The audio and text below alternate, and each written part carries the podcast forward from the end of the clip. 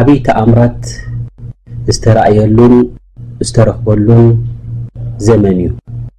ኣሕመዱላህ ተዓላ ወኡሰሊ ወኡሰሊም ዓላ ሰይዲና ሙሓመድ ወዓላ ኣሊሂ ወሳሕቢሂ ወሰለም። ክቡራት ኣሕዋትን ኣሓትን ኣስተምህሮ ብዩቲብ ድሕሪ ትሕዝቶ ናይ ዙልሕጃ ምቕራብና ሕጂ እውን ደጊምና ንራኸብ ኣለና። ብመጀመርያ ግን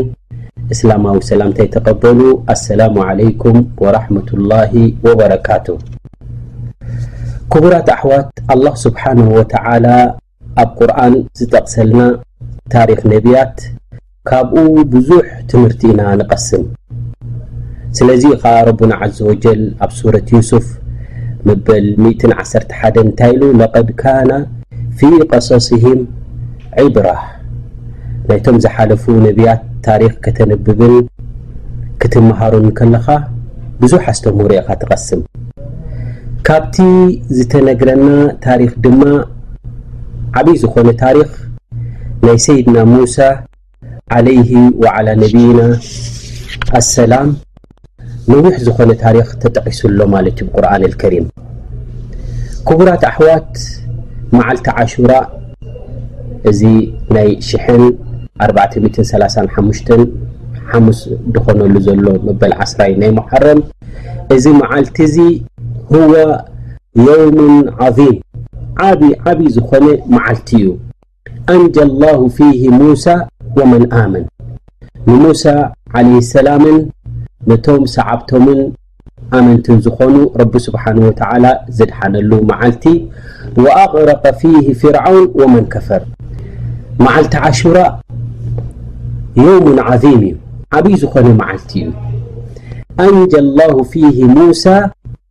ወመን ኣመን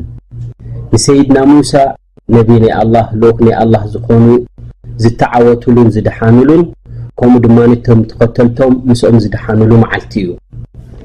ወኣቕረቀ ፊህ ፍርዓውን ወመን ከፈር ንፍርዖን ነቶም ናቱ ሰዓብትን ዝኾኑ ዝጠሓልሉ ኣብ ባሕሪ መዓልቲ እዩ ማለት እዩ ፍርዖን ክበሃል እንከሎ ሓደ ካብቶም ጣቕያ እዩ ነይሩ ደረት ዝሓለፈን ዝጠሓሰን እዩ ነይሩ። ሙተከቢር ዕቡይ ዝነበረ እዩ። ዕቡይ ከሓዲ ናይ ከሓድትን ትዕቢተኛታትን ድማ መጨረሽኦም ኩላ ግዜ ዕንወት እዩ። ፍርዖን እድዕ ኣሩቡብያ ኣብዚ ዓለም እዚ ኣነ ፈጣሪ ዝበለ ብጀካ ፍርዖን የለን። ብዝያዳ ካብቲ ወሰንን ደረትን ምስ ሓለፈ ፈቃለ ኣና ረቡኩም ኣዕላ ዝለዓልኩ ፈጣሪኹም ኣነ እየ ኢሉ። ያ ኣዩሃ ልመለኡ ማ ዓሊምቱ ለኩም ምን ኢላህን ገይሪ ኢሉ። እዙይ ናይ ብሓቂ ወሰን ምሕላፍ እዩ። ብጀካይ ስኒ ዝፈልጠልኩም ፈጣሪ የብልኩምን ይብል። ስልጣኑን ንግስነቱን ኣዓሽዎ ኣብ ዋንነት ናይ ረቢ ተመጣጢሩ ማለት እዩ። እዚ ድማ እንታይ እዩ ዘረድእ እንተ ተባሂሉ ስንፍናን ድሕርነትን ናይ ዓቕሉ ዘረድእ ደኣ እምበር ኣላህ ስብሓን ወተዓላ እዩ ወናኒ መሬትን ሰማያትን ወሊላሂ ሙልኩ ሰማዋት ወልኣርድ መሬትን ሰማያትን ዋንነት ናይ ኣላህ ስብሓንሁ ወተዓላ እዩ ክቡራት ኣሕዋት ከመይ ዝበለ እዩ ነይሩ እዚ ፍርዖን እዚ ንዝብል ንእሽተይ ንምጥቃስ እንተ ደኣ ኮይኑ ኣብ ግብፂ ደቂ ኣግባጥን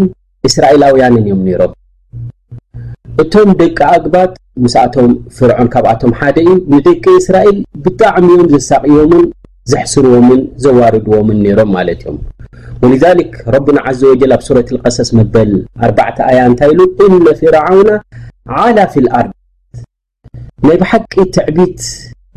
መን ከማይ በሃሊ ዝነበረ ፊርዖን እዩ ወጀዓለ ኣህለሃ ሽያዓ ነቶም ህዝቢ ድማ ከፋፊልዎም እዚኦም ደቂ እስራኤል እዚኦም ደቂ ኣግባጥ ደቂ ኣግባጥ ከም ድላዮም ድጭቁንሎምን ድዕምፅዎምን ዝነበሩ ንደቂ እስራኤል ዘመን እዩ ነይሩ ማለት እዩ የስተድዒፉ ጣኢፈተ ሚንሁም ኢሉ ንገለ ጉሩብ ንገለ ጉጅለ ትሑታት ሕሱራት ትገብር ንደቂ እስራኤል ድማ ብፍላይ ዩዘቢሑ ኣብናእሁም ወየስተሕዪ ኒሳእሁም ኢነሁ ካነ ምን ልሙፍሲዲን ኢሉ ካብቶም ብልሽውና ዝዝርግሑ ዝነበሩ ሓደ ካብኣቶም ፍርዖን ኢሉ ረቡና ዓዘ ወጀል ነጊሩና ፍርዖን ካብ ደቂ እስራኤል ዝውለድ ቆልዓ ኣሎ ንዓኻ ድማ ዝቀትል ዝብል ካብቶም ካህናት ናቱን ካብቶም ጠንቆልትን ተወራሪሱ ዝሰምዖ ዘረባ ነይሩ ማለት እዩ። ብዓን ኣብ ኣብ ግብፂ ሰይድና ዩሱፍ ዓለይ ሰላም ብጣዕሚ ፍትሒ ዘለዎ ቅሳነት ዘለዎ ኩነታት እዮም ዝሓልፉ ነይሮም ኣብ ትሕቲ ዩሱፍ ከለዉ መሪሕነቱ ማለት እዩ ዩሱፍ ዓለይ ሰላም መሊክ ወነቢ ዝነበረሉ እዩ ማለት እዩ ዩሱፍ ዓለይ ሰላም ክመውት ከሎ ሰይድና ዩሱፍ እንታይ ኢሎም ደቂ እስራኤል እዚ ግዜ እዚ ሕጂ ዘለኹዎ ብድሕረይ ዝመጽእ ሓደ ክሓዲ ዝኾነ ንዓኻትኩም ዘጨንቕ ዝኾነ ንዓኻትኩም ዘሸግር ዝኾነ ክመጽእ እዩ ኣብዚ ግዜ እዚ ትዕግስቲ ክትገብሩ ኣለኩም ኢሉ ነጊርዎም ሙሳ ዝብሃል ድማ ምስ መጸ ናቱ ተኸተልቲ ክትኮኑ ኣለኩም ብኡ ድማ ንዑ እንተ ተኸትልኩም ድማ መንገዲ ናይ ረብን መንገዲ ሰላምምን ክትረኽቡ ኢኹም ይብሎም ማለት እዩ ደቂ እስራኤል እንታይ ዝበለ ዘመን ክመጸና ኢሎም ናይ ብሓቂ ዝጭነቑሉን እናተሸገሩን ሓሊፎሞ ማለት እዮም ከምቲ ዝበሎም ድማ ፍርዖን መጺኡ ንድቂ ተባዕትዮ ደጥፍኣሉ ግዜ ወዲ ተባዕታይ እንተ ተወሊዱ ኣብቲ ግዜ እቲ ይቕተል ነይሩ ጓል ኣንስተይቲ ኮይና ድማ ይገድፍዋ ደሓር ድማ ከም ድላዮም የጻወቱላ ነይሮም ማለት እዮም እዚ ዓይነት እዚ ኩነት እንከሎ ኣላህ ስብሓን ወተዓላ እዚ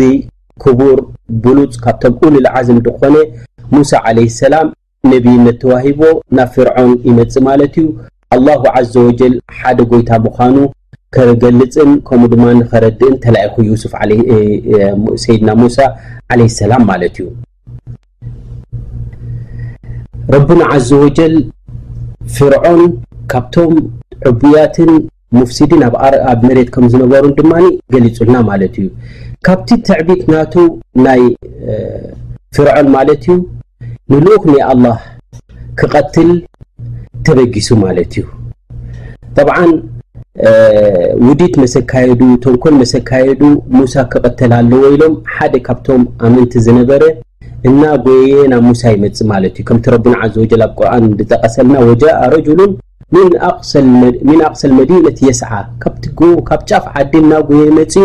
ንሰይድና ሙሳ ኢልዎ ያ ሙሳ ኢነል መለኣ ያእተሚሩነ ቢካ ልየቅትሉክ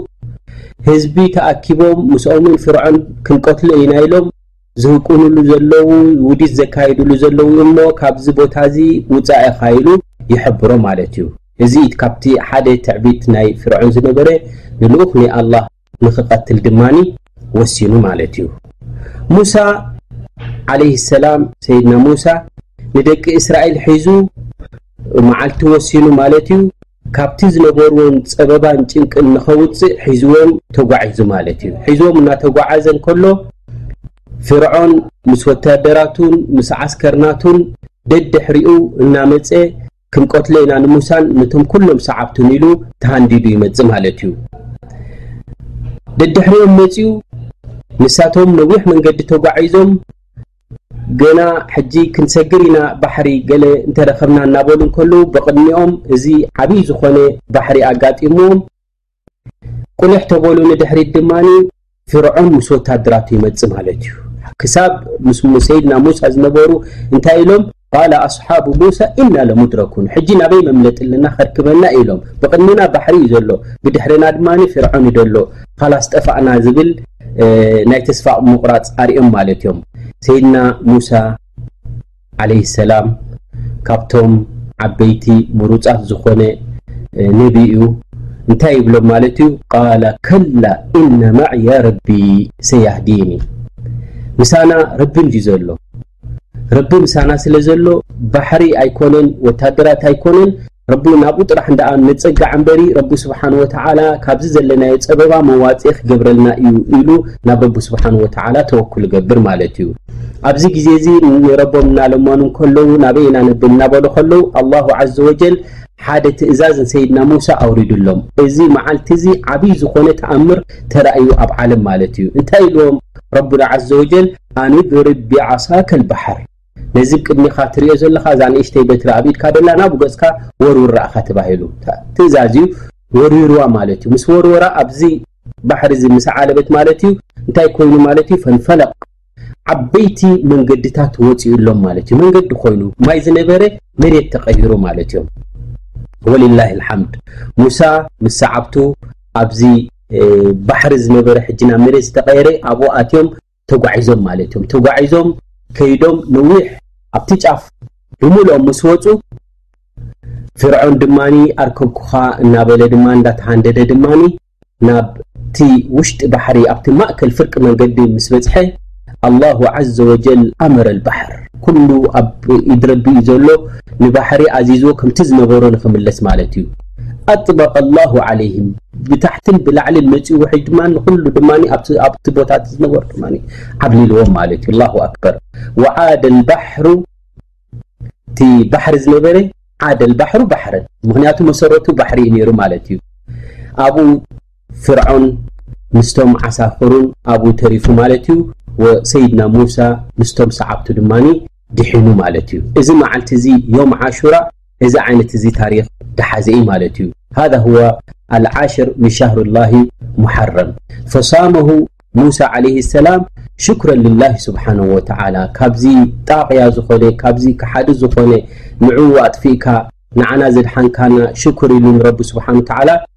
ድጸሞ ዝነበረ እዩ ሰይድና ሙሳ ፈሳራ በኑ እስራኤል የስሙነሁ ደቂ እስራኤል ድማ መዓልቲ ድሕነት ዝረኸብናሉ ጸላኢና ዝጠፍኣሉ እዩ ብምባል ድማ ይጸሙ ነይሮም ወለማ በዓተ ላሁ ሙሓመድን صለ ላሁ ለ ወሰለም ሰይድና ሙሓመድ ድማ ነብን ረሱልን ኮይኖም ምስተለኣኹ ድማ ሳም ሃደ ልዮም እዚ መዓልቲ እዚ ሽኩር ሊላህ ሙሳ ዝጾሞ ንሕና ድማ ብኩነት ናይ ሙሳ ንዓና ዘገድሰና ዝኾነ ሓቂ ዝተዓወተሉ እቲ መንገዲ ክሕደት ድማ ዝቃሃመሉ መዓልቲ ብምባል ድማ ሽኩረ ሊላህ ዓዘ ወጀል ሳመሁ ነቢ ዓለይሂ ሰላቱ ወሰላም ወኣመረ ብስያምሂ ጸይሞሞ ነቢና ሙሓመድ ዓለይሂ ሰላቱ ወሰላም ጹሙ ኢሎም ድማኒ ኣዚዞሙና። ሰሓባ መጺኦም ንረሱል ዓለይሂ ሰላቱ ወሰላም ኢሎሞም ያ ረሱሉላህ እዞም ኣይሁዳውያን ዝጾሙሉ መዓልቲ እዩ እሞ ንሕና ድማ ምስኣቶምሲ ሓደ ተማሲልና ምስ በልዎም ኣነቢ ዓለይሂ ሰላቱ ወሰላም እንታይ ኢሎም ለኢን በቂይቱ ኢላ ቃብል ኢሎም እንሻላ እቲ ድመፅእ ዘሎ ዓመት እንተ ፀኒሐ ረቢ ዕምሪ ተሂቡኒ ስኒ ለኣሱመን መታስዕ ወልዓሽር ኢሎም ምስታ ዓስረይቲ እታ መዓልቲ ድደሓነላ ሙሳ ምስኣ ታሽዐይቲ ክውስኸላ እየ ኢሎም ነቢይና ሙሓመድ ዓለይሂ ሰላቱ ወሰላም ላኪን እታ ዓመት እቲኣ ከይኣኸለት ከላ ነብዩና ሙሓመድ ዓለይሂ ሰላቱ ወሰላም ብሞት ካብ ኣዱንያ ተፈልዮም ማለት እዮም። እዚ መዓልቲ እዚ ክትጾሞ ብዙሕ ኣጅሪ እዩ ዘለዎ። በል ኣነቢ ዓለይሂ ሰላቱ ወሰላም እንታይ ኢሎም ኣሕተሲቡ ዓላ ላሂ ኣን ዩከፊረ ሰነተ ልማድያ ኢሎም። እዛ መዓልቲ እዚኣ ጥራሕ ብምጻምካ ናይ ዝሓለፈ ዓመት ዘንብኻ ይቕፈረልካ ማለት እዩ። እዘን ብሉጽን